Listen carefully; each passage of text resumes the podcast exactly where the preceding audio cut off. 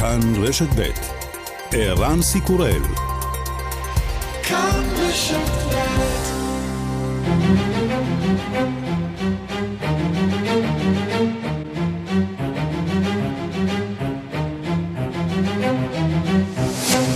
השעה הבינלאומית 27 בינואר 2020 והיום בעולם. הגיע ל-81 מניין הנספים מווירוס קורונה, מרבית הנספים קשישים או בעלי בעיות נשימה מן העיר ווהאן שבמחוז חובי.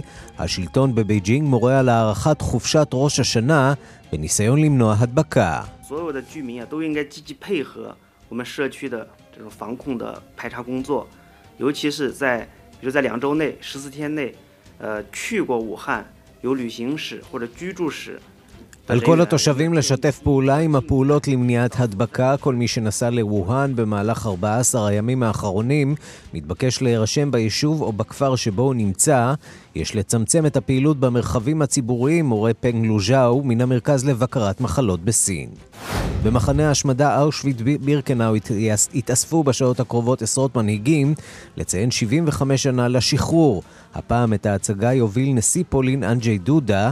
הכל צופים סבב נוסף בקרב על הזיכרון מול רוסיה. אנטוניה ימין תדווח. אחד הנואמים הראשיים בטקס יהיה נשיא פולין דודה שהחרים את הטקס בישראל, לאחר שבארץ סרבו לתת לו לנאום. אבל השיא של האירוע הוא הגעתם של 120 שורדי שואה מכל רחבי העולם, במימונו של נשיא הקונגרס היהודי העולמי, המיליארדר רונלד לאודר. בריאיון בלעדי לכאן חדשות ביקר לאודר את התנהלות הטקס שנערך בשבוע שעבר בישראל שהיה בעיקרו פוליטי ובמהלכו מנהיגים שונים בהם ראש ממשלת ישראל בנימין נתניהו התעסקו בעיקר בהאדרת מעמדם. הטקס כאן בפולין אמור להיות שונה ולתת לשורדים את מרכז הבמה. הרגעים האחרונים של אגדת הכדורסל קובי בריינט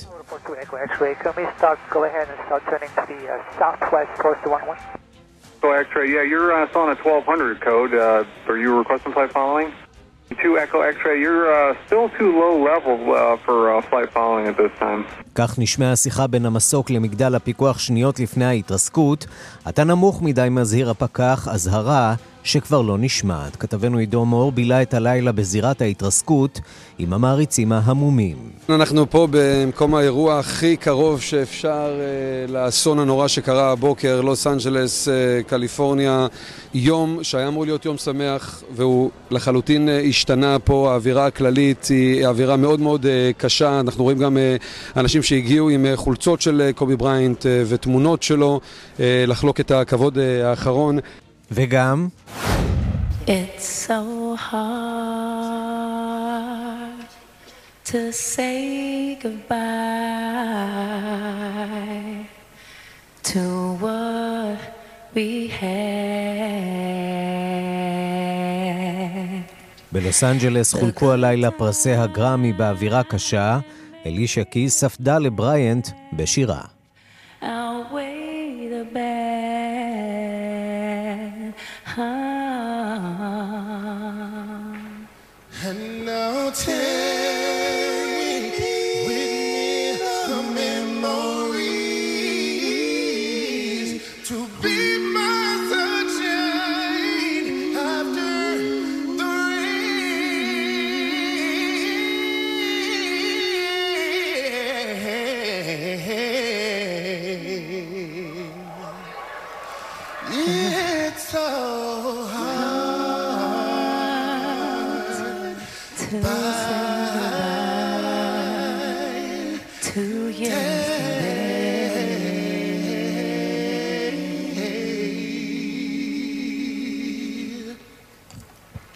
We love you, Kobe. Boys to men. השעה הבינלאומית שעורך זאב שניידר, מפיקה שירלי וייל אברמוביץ', הטכנאי יואב כהן, כבר מתחילים.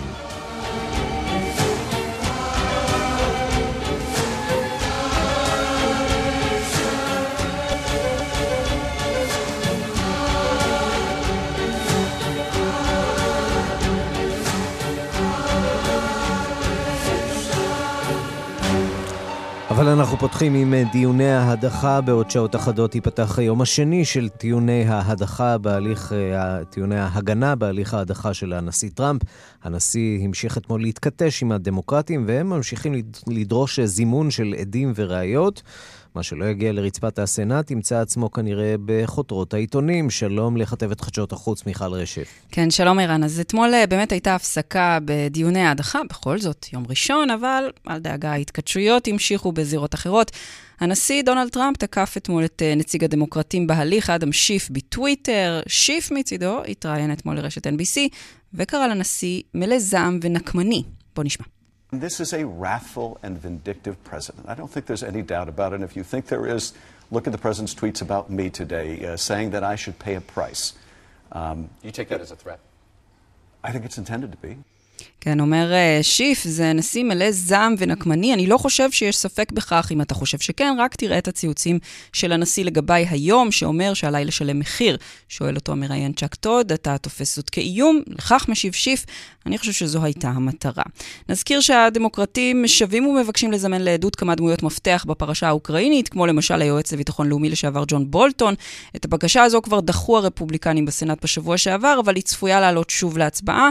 בינתיים, אם בולטון לא מגיע לסנאט, דבריו כבר מתפרסמים בכלי התקשורת. טיוטה של ספר חדש שהוא כותב כעת הגיע לכלי התקשורת, ושם הוא כותב כי הנשיא אמר לצוות הבית הלבן בחודש אוגוסט האחרון כי הוא מבקש להמשיך להקפיא סיוע צבאי בשווי של 390 מיליון דולר לאוקראינה, עד שהאוקראינים יחקרו את החשד לשחיתות מצד בנו של המועמד הדמוקרטי ג'ו ביידן. הפרסום הזה יכול לפגוע בטיעוני ההגנה של הנשיא, שלפיהם הדרישה לפתוח בחקירה והקפאת הסיוע היו בעצם נפרדים ולא תלויים זה בזה. שמענו את הנשיא טראמפ שב וחוזר על אותה מנטרה, no quid pro quo. אז uh, טראמפ מצידו מכחיש את הדיווחים אה, שלפיהם הוא ביקש מבולטון להמשיך להקפיא את כספי הסיוע בתמורה לחקירה. אם הוא אמר זאת, זה רק כדי למכור ספר, כך הנשיא טראמפ. בואו נדבר קצת על לוח הזמנים, אה, ערן. להגנה mm-hmm. יש בסך הכל 24 שעות לשטוח את uh, טיעוניה, בחלק מהשעות היא כבר השתמשה, היום כאמור זה היום השני. לאחר מכן יינתנו לסנטורים 16 שעות להגיש שאלות בכתב ששני הצדדים יצטרכו להשיב להן. בהנחה שהדרישה של הדמוקרטים לזימון עדים וראיות נוספים לא תתקבל, היא ככל הנראה לא תתקבל, צפויים הצדדים לשאת דברי סיכום, והחלטה בעניין יכולה להתקבל אפילו השבוע. מיכל רשף, כתבת חדשות החוץ, תודה. תודה, ערן. ושלום לדני דנון. שלום ערן, שלום למאזינים. שגריר ישראל אה, באו"ם. אה, נראה שהנשיא טראמפ עסוק מאוד, יש לו עניינים בקונגרס, בסנאט, ובכל זאת הוא מפנה היום אה, זמן לנסות להגיע לעסקת המאה, כך לפחות מכנים את זה שם בוושינגטון. יש איזושהי אופטימיות uh, בצד הישראלי שהדבר הזה באמת יבשיל לכדי עסקה? ראשית, יש הערכה רבה לפעילות הממשל, פעילות אה, מאומצת שכללה אה, מאות ביקורים באזורנו, אלפי פגישות, עבודת מטה מסודרת, ואנחנו בהחלט מעריכים את, את המאמץ, את ההשקעה, אנחנו מתייחסים ברצינות למהלך הזה, ואנחנו באים אופטימיים לשמוע, לראות את התוכניות של הנשיא, של הצוות שלו, בשאיפה שבהחלט נוכל לראות אה, עידן חדש, בניגוד לפלסטינים שכרגיל אומרים לא. אמרו לא לקלינטון, לבוש, לנשיא אובמה, ועכשיו גם לנשיא טראמפ, אה, ולכן כרגע הציפייה שלנו באמת לראות את המכלול התוכנית, לראות את המרכיבים הביטחוניים שהעלינו בעבר, ובהחלט מבחינתנו מדובר בצעד משמעותי ביותר. יש חלקים בתוכנית הזאת אה, שאתה אולי יודע ושאנחנו בציבור עדיין לא שמענו עליהם? תראה, אנחנו צריכים להמתין בסבלנות. אני נפגשתי עם בכירים רבים בממשל בעבר, אה, הם שמעו את כל הצדדים, הם מגבשים תוכנית כוללת, אה, גם בנושא ביטחוני, גם בנושא אה, של גבולות עתידיים, גם בנושא כלכלי. ולכן אני חושב שיהיה מעניין לראות את התגובה בעולם הערבי לתוכנית הזאת. בפעם הראשונה מגיע פה ממשל אמריקאי שבא ואומר, אני לא מנסה לגרום לצדדים לשבת ביחד ולהגיע לפשרה, אני מבין את המצב בעצמי ואני מציע לצדדים את התוכנית המקיפה, המלאה. יהיה מעניין מאוד לראות את התגובות של מדינות ערב, של הפלסטינים אין עניין, כי כבר יודעים מראש שהם יגידו לא. ואם נחזור לרגע באמת אה, לשאלה שפתחנו איתה, נשיא מאוד מאוד עסוק, הנשיא טראמפ, גם ראש הממשלה עסוק אה, פה בדיוני ההדחה. התזמון הזה אה, מקרי של הצגת אה, תוכנית המאה, או שהוא נועד אולי קצת להסיט את העיסוק התקשורתי לנושאים אחרים? כי אתה יודע, יהיו מי שיטענו שבתוכנית הזאת אין שום דבר שאפשר לממש בפועל, מלבד אולי פוטו-אופ עם הזדמנויות צילום של מנהיגים. אני חושב שהתזמון הוא לא מקרי, אבל לא מהסיבות שאותן ציינת. צריך לזכור שלא רק אצלנו יש מערכת בחירות, אלא גם כאן בארצות הברית, מערכת בחירות סוערת שמתחממת, והנשיא האמריקאי הביע חוסר שביעות רצון מהעובדה שאנחנו לא הצלחנו להרכיב ממשלה לאחר שתי מערכות בחירות, ולכן לפני שנבחר מועמד דמוקרטי ומתחילים העימותים וכל המערכת נכנסת לאיזשהו סבב מהיר מאוד, הממשל בחר לפרסם את התוכנית, לאו דווקא משיקולים פוליטיים שלנו, יותר בגלל לוח זמנים של הבחירות כאן בארצות הברית. אז באמת הזכרת את הבחירות אה, בארצות הברית, מחר הבחירות המקדימות אה, באיואה. אה, האם ישראל, להערכתך, מצליחה, למרות הכל, לשמר את הקשרים גם עם המפלגה הדמוקרטית? ראינו כאן בשבוע שעבר את ננסי פלוסי מגיעה וכן נפגשת עם ראש הממשלה, אבל זה נראה כאילו שאם אמריקה תבחר הפעם ללכת על נשיא דמוקרטי, מערכת היחסים בין ישראל לארה"ב די בצרות.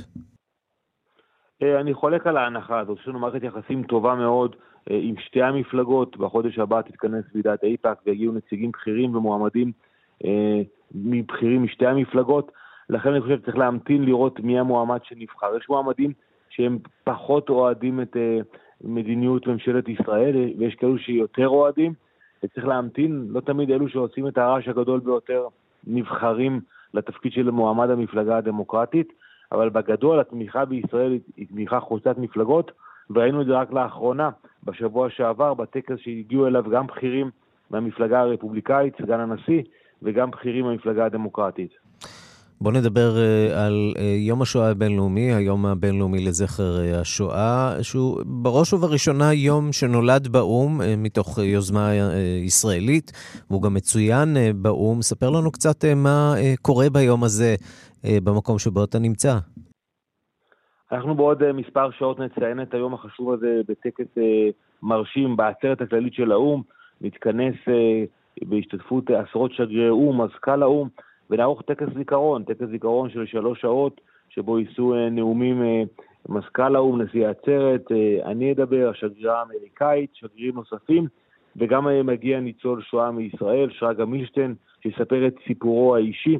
זה אירוע חשוב ביותר, הוא זוכה לתעודה רבה בתוך האו"ם, מחוץ לאו"ם, ואני חושב שלאחרונה אנחנו רואים שבאמת בנושא של זיכרון השואה יש פעילות מוגברת של האו"ם.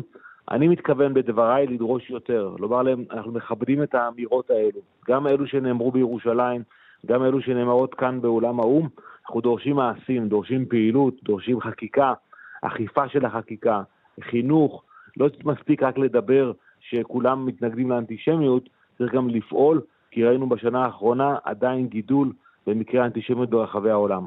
וגידול גם אה, בהמשך ההחלטות אה, האנטי-ישראליות, שלמעשה לא נגמרות אה, אף פעם, וכמובן באנטישמיות. עד כמה באמת אתה קושר בין העלייה באנטישמיות לעוינות הבינלאומית כלפי ישראל? כן, אני לא אומר שכל החלטה או כל דיון שמביע ביקורת כלפי מדינת ישראל זה אנטישמיות. לעתים אנחנו כן רואים שיש מוסר כפול ומתנהגים אלינו בצורה שונה. במוסדות של האו"ם, ובהחלט זה מגיע ממקומות של אה, שנאת ישראל, והיום הוא יותר קל לומר שאנחנו נגד מדינת ישראל או מדיניות הממשלה אה, מאשר נגד העם היהודי, אבל מעמדנו באו"ם מתחזק בשנים האחרונות, אנחנו רואים את זה גם בהחלטות שאנחנו מצליחים להעביר בעצמנו, וגם בתמיכה שבהחלטות נגד ישראל שהיא מצטמצמת. לכן צריך לשים לב שלא כל פעם שבאים ומביעים ביקורת על מדינת ישראל, אנחנו צריכים לזעוק אה, שזו החלטה אנטישמית. אם יש מוסר כפול, אם מתייחסים אלינו בצורה שונה, בהחלט יש מקום להצביע על כך. בוא נדבר לרגע באמת על הפרויקט שאתה אה, מוביל, שגרירי אה, האו"ם, והניסיון אולי להעלות את המודעות לשואה אה, שם אצלכם באו"ם. אני הובלתי משלחות שהשתתפו בהן למעלה מ-100 שגרירי או"ם שהגיעו לארץ, אבל לפני שאנחנו מגיעים לישראל אנחנו עוצרים ליומיים בפולין, מבקרים במחנות ההשמדה, וכמו שאלי ויזל אמר בעבר, מי שנכנס אה, למחנות נהפך להיות עד בעצמו. הביקורים האלו משמעותיים ביותר, אנחנו רואים את התוצאה שלהם גם במעורבות של השגרירים לאחר מכן, שבאים לאירועים, יוזמים. היום באו"ם, לאחר הטקס המרכזי, יהיו עשרות אירועים שלא אותן יזמנו אנחנו, משלחת ישראל, משלחת טורקיה תיזום אירוע, משלחת הפיליפינים, משלחת גרמניה, זאת אומרת, אנחנו כן מצליחים באמצעות הביקורים האלו והעלאת המודעות לגרום למשלחות לעסוק בנושא החשוב הזה. דני דנון, שגריר ישראל באו"ם, תודה רבה לך על השיחה הזאת. תודה רבה.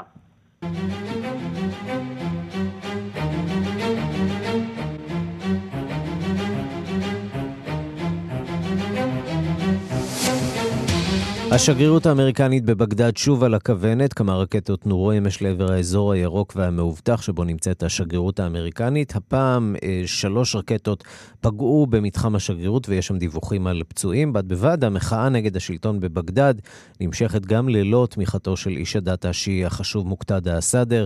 שלום לכתבנו לענייני ערבים רועי קייס. שלום ערן. כן, אז קודם כל נתחיל מההתקפה אמש על השגרירות האמריקנית בבגדד. שוב התקפה על היעד הרגיש הזה שממוקם באזור המאובטח שם, הגרין זון, ומאז החיסול של מפקד כוח קודס במשמרות המהפכה, קסם סולימני, והמפקד הבכיר במיליציות הפרו-איראניות, אבו מאדי אל-מוהנדיס, תקריות הירי לעבר השגרירות רק מתרבות ולא רק שם. זאת גם בצל האיומים של המיליציות הפרו-איראניות בעיראק להגיב על החיסול של אבו מאדי אל-מוהנדיס, וגם במסגרת הניסיון שלהם לגייס את הציבור למען היעד המרכזי, גירוש הכוחות האמריקניים מהמדינה. כך נשמע אתמול הדיווח בערוץ אל-ערבייה על ירי הרקטות לעבר השגרירות האמריקנית בבגדד. בסוף גם נשמעות האזעקות שהופעלו בשגרירות. הנה. خمسة صواريخ كاتيوشا سقطت قرب السفارة سقط منها ثلاثة داخل حرمها وأصاب إحداها כן, זה הדיווח של המגישה ברשת אל-ערבייה, הפרו-סעודית. חמש רקטות נורו לעבר השגרירות, שלוש נחתו בתוך, בתוך המתחם, אחת פגעה במסעדה של השגרירות. בהתחלה לא דווח על נפגעים, אך לפי גורמי ביטחון בעיראק יש שלושה נפגעים באירוע הזה, אזרחותם טרם התבררה. לגבי מי עומד מאחורי אותו ירי, אז נאמר שהמיליציות הפרו-איראניות בעיראק מכחישים הבוקר. הבוקר, מכחישות הבוקר, שהן עומדות מאחורי ירי הרקטות. ראש הסיעה הפוליטית שהיא מייצגת את המיליציות בפרלמנט העיראקי, האדי אל-עמרי, האשים שירי הרקטות הוא במטרה לפגוע במאמצים שלהם להוציא את הכוחות האמריקנים בעיראק. הוא קרא לחקור את התקרית, להעמיד את משגרי הרקטות לדין. נאמר שגם ראש ממשלת המעבר, עבד אל-מאדי, עדל עבד אל-מאדי, גינה את התקרית, הורה למנגנוני הביטחון לעצור את האחראים לירי, שהפעם, בניגוד לפעמים הקודמות, כן הצליח לפגוע במתחם השגרירות, אירוע מאוד חמור. בפעמים הקודמות הרקטות נחתו בקרבת המתחם. משרד החוץ האמריקני אמרו הלילה לערוץ סקאי בשפה הערבית כי מאז חודש ספטמבר היו יותר מ-14 התקפות של איראן והשלוחות שלה נגד אמריקנים בעיראק, כלומר עוד לפני החיסול של סולימני, הרבה לפני, ונגיד שבהחלט זה בלא לא סימן טוב בעבור הכוחות האמריקנים שם שנמצאים על הכוונת. רועי קייס, כתבנו לענייני ערבים, תודה. תודה.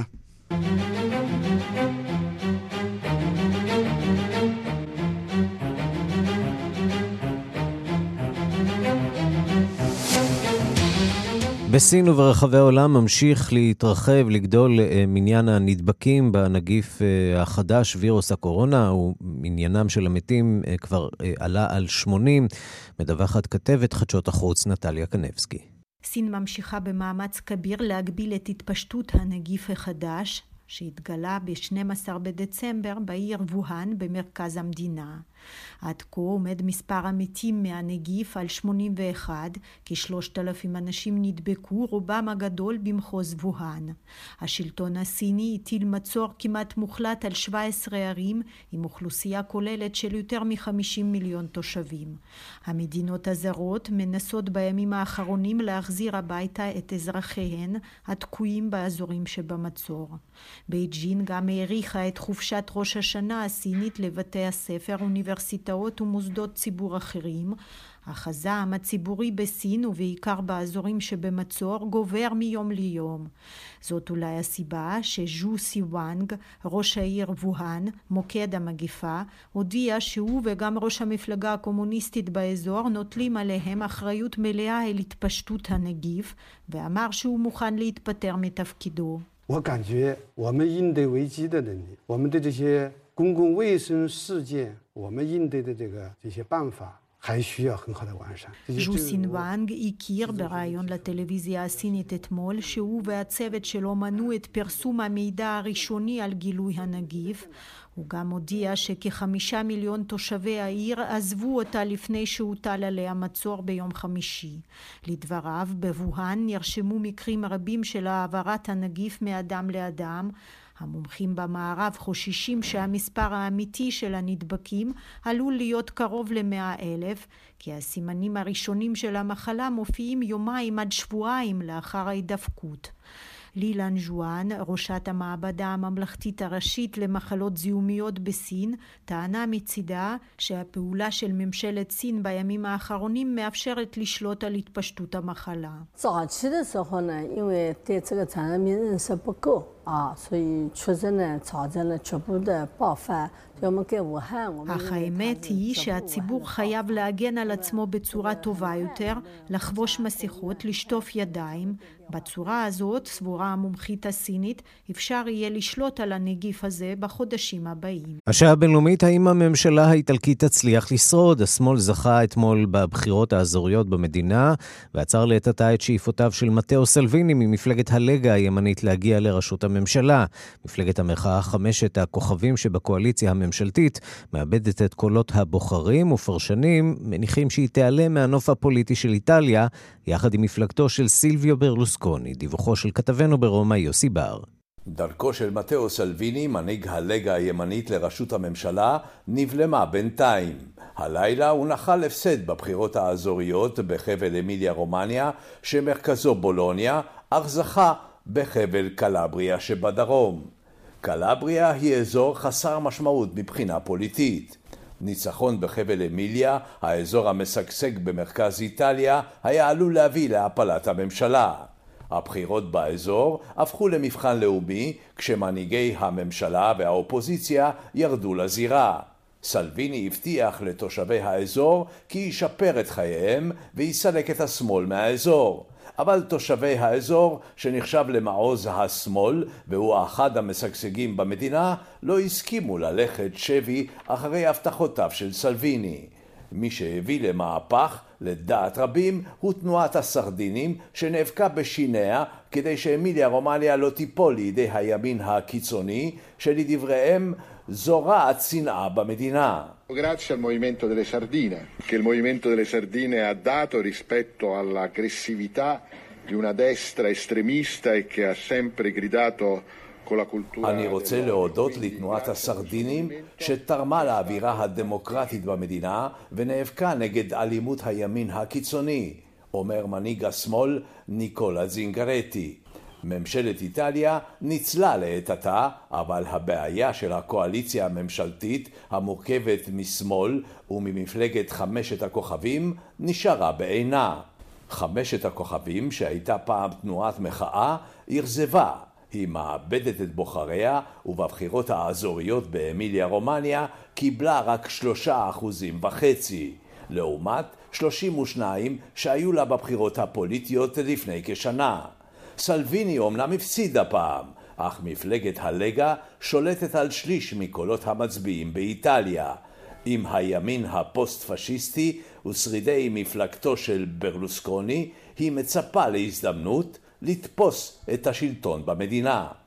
כאן יוסי בר, רומא. אנחנו לאירועי יום השואה הבינלאומי. הנשיא מקרון חנך לפני שעה קלה את קיר הזיכרון המחודש באתר הזיכרון לשואה בפריז. דיווחה של כתבתנו רינה בסיסט. כן. השואה צריכה להישאר פצע פתוח. כך אמר לפני כשעה הנשיא מקרון בנאומו באתר הזיכרון לשואה בפריז. מקרון חזר וקשר היום בנאומו בין האנטישמיות בצרפת לעלייה בקיצונות האסלאמיסטית ולתופעות של אנטי-ציונות. Cet antisémitisme qui revient n'est pas le problème des juifs.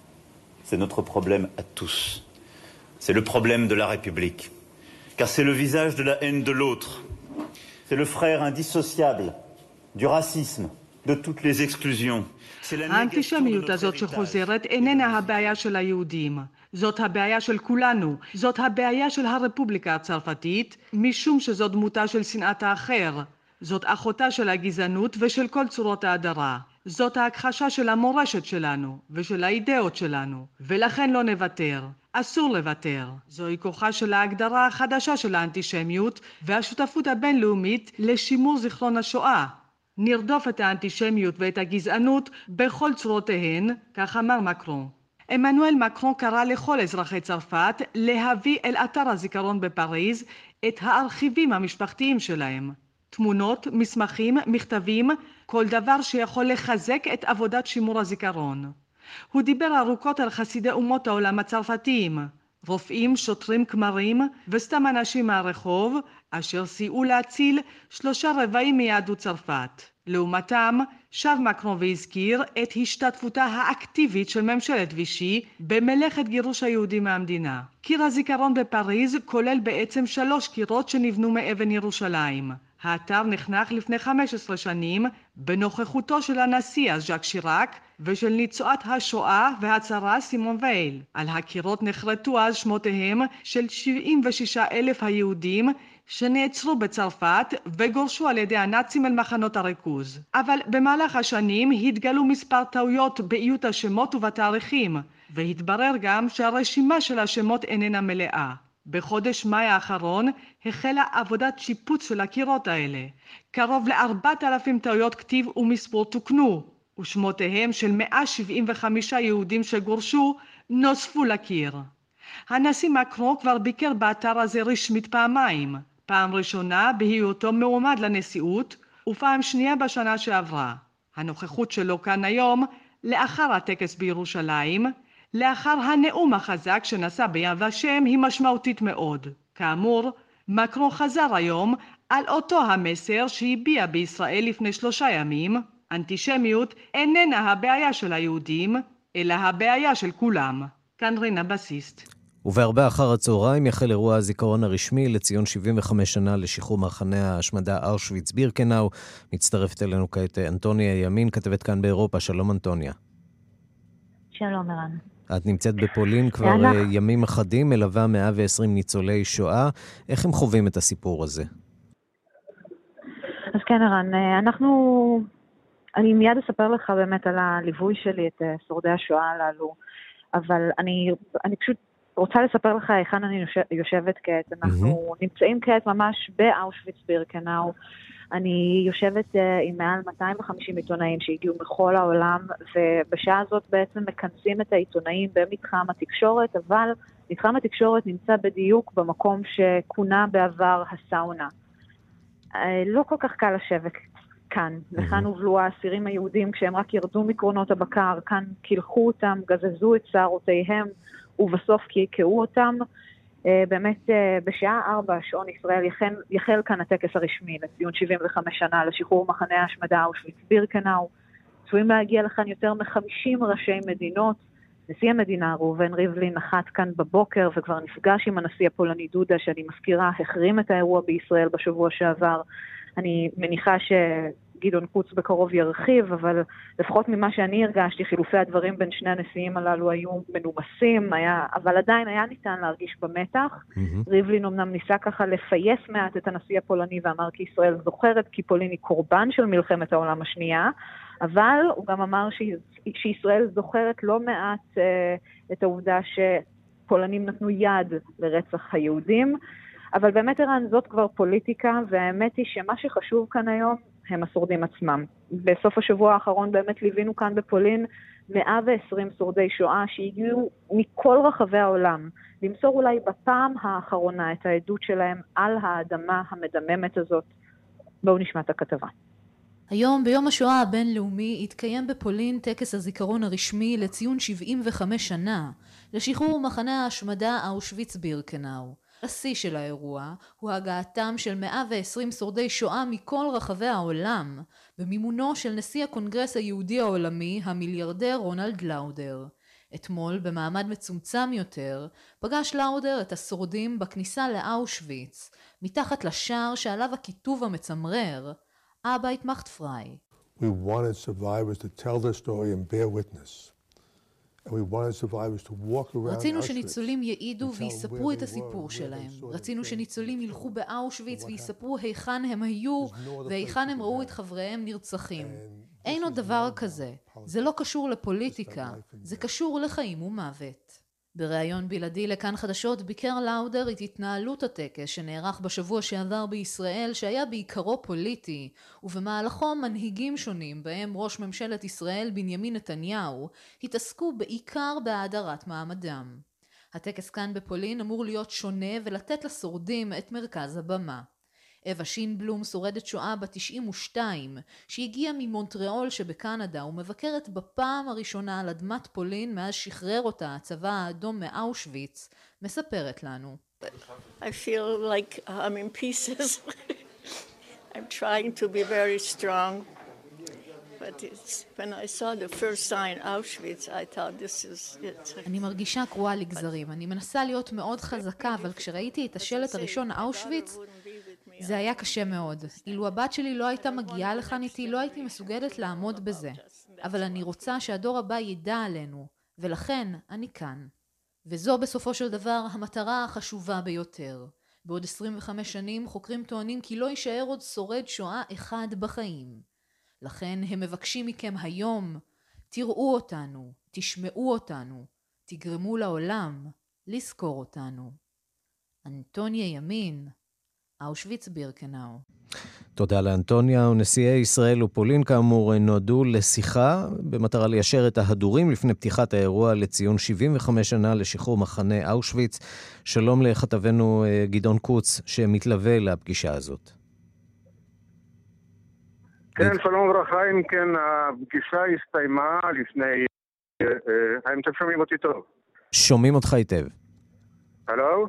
שומעים אותך היטב. מצוין. אה, כי הפגישה... תודה, תודה. הפגישה הסתיימה לפני, לפני דקות אחדות, ולפני טקס הזיכרון הפגישה הזאת נערכה פגישה, אפשר לומר, לאישור ההדורים במכללה שסמוכה למחנה, על שמו של לוחם אידול פילצקי, שאומנם היה חבר בארגון הלאומני הפולני שלא היטיב עם היהודים בלשון המעטה, אבל הוא חדר למחנה והיה בין הראשונים שהביאו עדות על המתרחש באושוויץ כדי להזיק את דעת הקהל. הנשיא דודה פתח בהבעת תודה על בואו של נשיא המדינה, הוא הביע צער עמוק על כך שלא היה יכול לבוא כנשיא פולין לירושלים משום שלא הוזמן לנאום שם את כל האשמה הוא הטיל על נשיא קרן השואה, משה קנטור, אה, שאותו תיאר כמקורבו של פוטין, שדווקא הוזמן לנאום, למרות האשמות חסרות הביסוס שהטיח בפולין. הוא הביע תקווה שהמזימות לאבד ההיסטוריה לא יצלחו. לגבי יחסי ישראל-פולין הוא אמר שהם טובים יותר מאי פעם, כולל בתחום הביטחוני.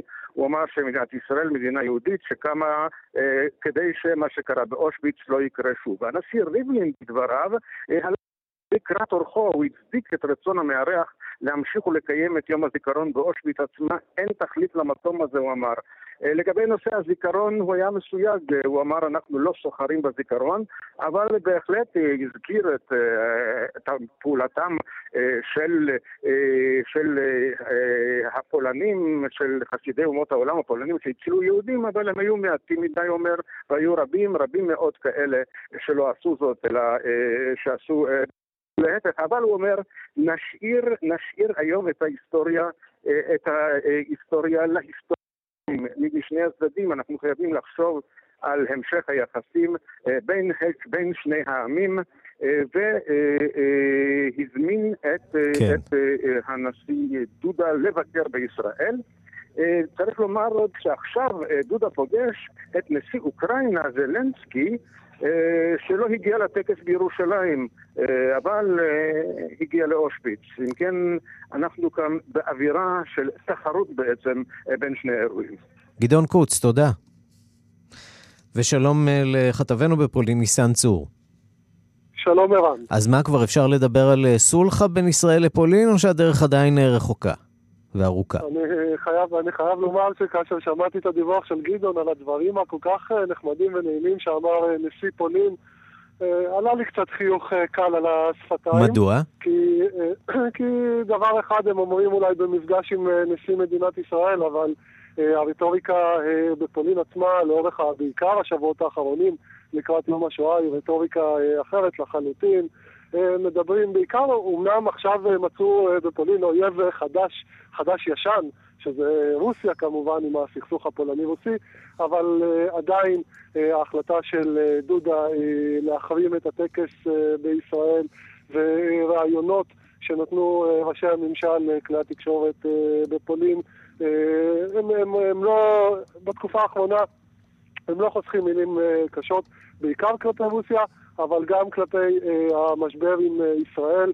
אותה התבטאות של ישראל כץ, אז הם עדיין אה, לא סולחים, אה, לא סולחים עליה כל כך מהר, ולכן אה, לפחות לפי ההתבטאויות של ראשי הממשל הפולני, עוד יש דרך מאוד מאוד ארוכה עד לסולחה בין שתי המדינות, כמו שכינית את זה. ניסן צור, כתבנו בפולין, תודה רבה לך. תודה לך. אנחנו לאסון הנורא התרסקות מסוקו של שחקן הכדורסל קובי בריינט. שלום לכתבנו בלוס אנג'לס, עידו מור. שלום ערן. את היום הזה בילית בזירת ההתרסקות של אה, מסוקו של קובי בריינט, אווירה קשה מאוד שם בלוס אנג'לס. כן, אווירה מאוד מאוד אה, קשה, ובצורה אירונית הייתי אומר, אה, כל התכנון של היום הזה, שהיה אמור להיות חגיגה אחת גדולה, כאמור טקס פרסי הגרמי, חגיגה מוזיקלית, הרבה מאוד אורחים שהגיעו לעיר. מיום חגיגה זה הפך להיות, להיות יום טרגי במיוחד, כבר אה, בשעות הבוקר, ברבע לעשר בבוקר שעוננו כאן.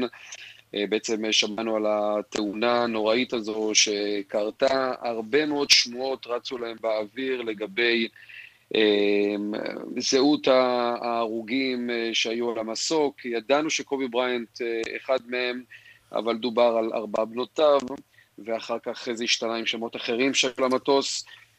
רוק, סליחה, ועכשיו בעצם uh, התמונה יותר מתבהרת, הדבר היחיד שנשאר כסימן שאלה עדיין פה אחרי חצות uh, שעוננו, זה בעצם מה קרה, מה הוביל uh, לתאונה הטראגית הזו, האם זה היה רק באמת קשיי מזג האוויר, שבאמת היו די קשים הבוקר, עננות כבדה, או אולי היה כשל טכני אחר על המסוק עצמו, וגם מי באמת הטיס את המסוק.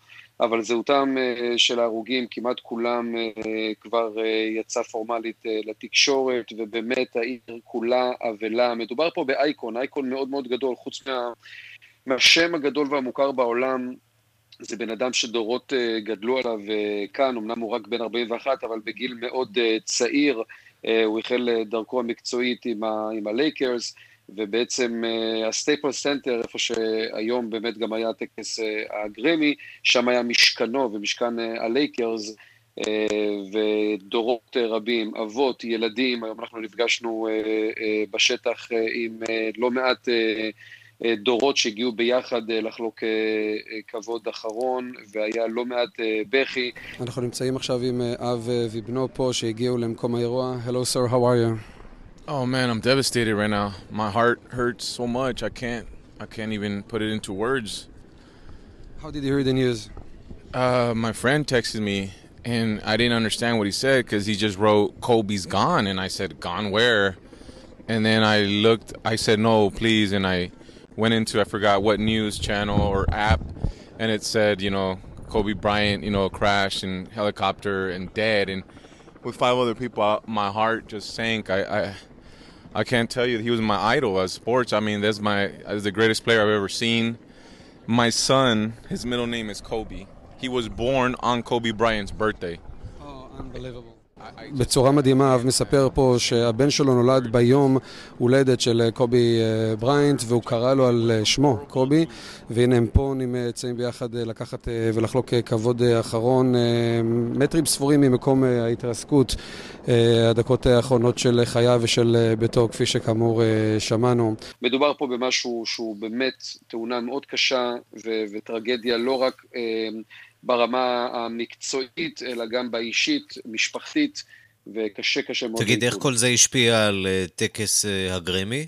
אני חייב להגיד שבאופן אישי אני הייתי אמור להיות uh, בטקס עצמו כמדי שנה, ולאור החדשות uh, שקרו בבוקר, וההתפתחויות, uh, כל הלו"ז uh, שלי השתנה, אז לא הייתי ממש uh, on top of it, מה שנקרא, אבל אני יכול להגיד לך שהיה ברור שמארגני הטקס יצטרכו אה, לשנות ברגע האחרון את הליינאפ שלהם, ובאמת זה מה שנעשה, אלישיה קיז אה, שהנחתה, עלתה כבר בתחילת הערב עם הרכב Boyz II Men, והם פתחו את טקס הגרמי עם מחווה מוזיקלית לזכרו של קובי, תמונות בכל ההיכל, ושוב אני מזכיר לכם, בהיכל עצמו זה ההיכל שזה הבית השני, אם לא אפילו אפשר להגיד הראשון של קובי בריינט, ושם היום הייתה החגיגה הגדולה, בעצם בזמן שעדיין התעסקנו עם התאונה הקטלנית הזו. אני יכול גם להגיד לך שטקס הגרמי לצערנו ידע סיטואציה שכזו בעבר. אנחנו זוכרים את וויטני יוסטון, ממש 24 שעות לפני טקס הגרמי, נפטרה וכל הליינאפ היה צריך להשתנות, במיוחד שמדובר באומנית מוזיקלית, ככה שהחיים עצמם מעולים בטרגדיות לפעמים, במיוחד בעיר המאוד משוגעת הזאת. זה לא גורם למארגנים לדחות או לבטל טקסים כאלה. צריך להבין שטקס כמו הגרמי אי אפשר לדחות, יש תאריך אחד. אם זה לא קורה, זה פשוט לא קורה. אני זוכר לפני שנים רבות היה ביטול ראשון ואחרון מסוגו של אחד מהטקסים, אני חושב שזה היה אז האוסקר וגם הגולדן גלובס, שזה היה בגלל חשש ביטחוני ממש אחרי אירועי 9-11, אבל אירועים כאלה לא מבטלים, לא מבטלים, לא דוחים, יכולים לשנות, כמו ששינו הבוקר ברגע האחרון את הליינאפ האומנותי ולעשות מחווה, אבל לבטל לחלוטין... עידו מור, כתבנו בלוס אנג'לס, תודה. אנחנו לעניין הבא, בעצם נשארים באותו עניין, טקס פרסי הגרמי. שלום לכתבנו בניו יורק, יגאל רביד. שמסתכל, בוקר טוב ערן, צהריים טובים, מסתכל על הנתונים ובהמשך למה שדיברת כרגע עם עידו, רשת CBS שאמרה על עידו הישיר, יחד עם רבים וטובים אחרים, נאלצה אה, פשוט אה, לוותר, לוותר על הדבר הזה, להבין את uh, מה שקרה להם. Mm-hmm. ברגע שהדיווחים החלו לצאת, אנשים עברו לרשתות אחרות. זה מזכיר לנו דיווחים על אירועים גדולים שהיו אצלנו, אירועי ספורט, אירועי בידור גדולים בצילם של פיגועים לצערנו. ושוב, נווטי ומנהלי רשת השידור נאלצו לקבל החלטה, הם לא יכלו לרדת מזה, היה להם גם חוב לגרמי, גם חוב למפרסמים, כולם נפגעו מהדבר הזה. אז בעצם ניסו לכדרר בין שני הסיפורים הגדולים האלה. הצופים, אנחנו מכירים את זה מהבית, ערן. לגמרי. הצופים פשוט הצביעו בשלט וברחו לערוצים. אני מזכיר לך שבמשך שעות ארוכות גם לא היה ברור מה קרה שם. האם באמת הוא בנושא המסוק? האם הוא וכל ילדיו? כמה מילדיו? כמה הרוגים יש שם בכלל? שעות ארוכות לא הייתה תשובה ברורה, מה שגרם להרבה מבוכה. ברשתות השידור שכן שידרו את הדבר הזה. בואו נדבר רגע על האירוע עצמו, לשם כך התכנסנו. Mm-hmm. אומרת uh, המנחה אלישע קיז, אין דבר יותר עצוב ממסיבה עצובה. וכמו שאמרתם, זהו למעלה הבית של קובי בריין, כמה יותר סמלי וטרגי מכך שכשאחד האירועים השמחים, באמת היפים של השנה, שאמור להאדיר את שמה של תעשיית המוזיקה, מתנהל בצילו בהשראתו של מותו הטרגי אנשים שמסמלים את ההיכל, את האצטדיון הענק הזה, ואלו הדברים שאומרת אלישע קיז בפתיחת האירוע. Here we are, together on music's biggest night, celebrating the artists that do it best. But to be honest with you, we're all feeling crazy sadness right now. Because earlier today, Los Angeles, America, and the whole wide world lost a hero. And we're literally standing here heartbroken in the house that Kobe Bryant built. וכך אתמול בערב, ערן, במשך שעות ארוכות, אלפים רבים שהתקבצו שם המומים מאבל, כמו הקולות ששמענו קודם, מול השמחה המאולצת או הפחות מאולצת בהשראה, וכן, זו הפקה גדולה מאוד, זה לא מובן מאליו בשנייה האחרונה להפוך את הליינאפ. כשכולם כבר בדרך והשמלות נקנו ונלבשו, לבטל דבר כזה זה בלתי אפשרי. ולשנות את השירים, ואלישע יחד עם אומנים נוספים, שרה It's so hard to say goodbye to yesterday, אנרגיות של מוזיקה, הן אלה שגורמות לעולם להחלים, היא אומרת שם. נדבר רגע על הזוכים הגדולים של הערב הזה. תשמע, בילי אייליש, אני לא יודע כמה אתה, אפילו אני חייב להודות, אני מספיק טוב מכירים אותה. היא תופעה, מכיוון שהיא התחילה באמת גם כתופעת רשת, כן, יגאל, הקו איתך קצת אה, משתבש, תראה אם אתה יכול לנסות לשפר מיקום. אני אומר, פה, פה בפעם הראשונה בהיסטוריה, רגע, עכשיו יותר טוב? קצת.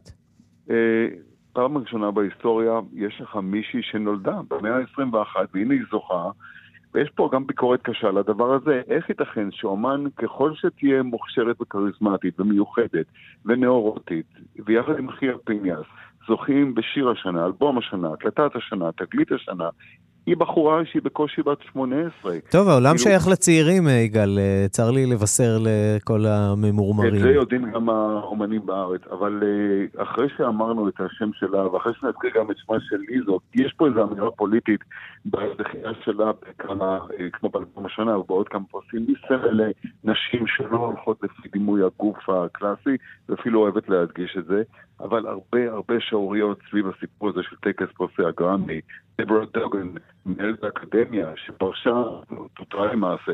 כן, יגאל, יגאל, הקו, הקו לא מהמשובחים, אז בואו אולי נשמע את בילי אייליש בדברים שהיא אומרת. נשמע, וכמובן דברים אחרים שהיו שם. תודה. תודה, יגאל.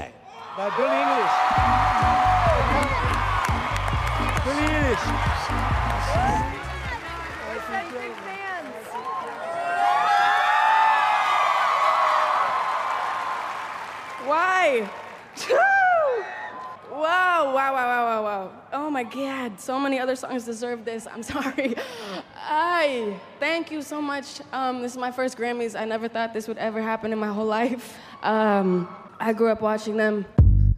וזאת כבר בילי אייליש המאושרת שמחייכת לשם שינוי. לא מהזמרות שמחייכות יותר מדי, אבל הנה, היא מחייכת עם הבד גאי שלה.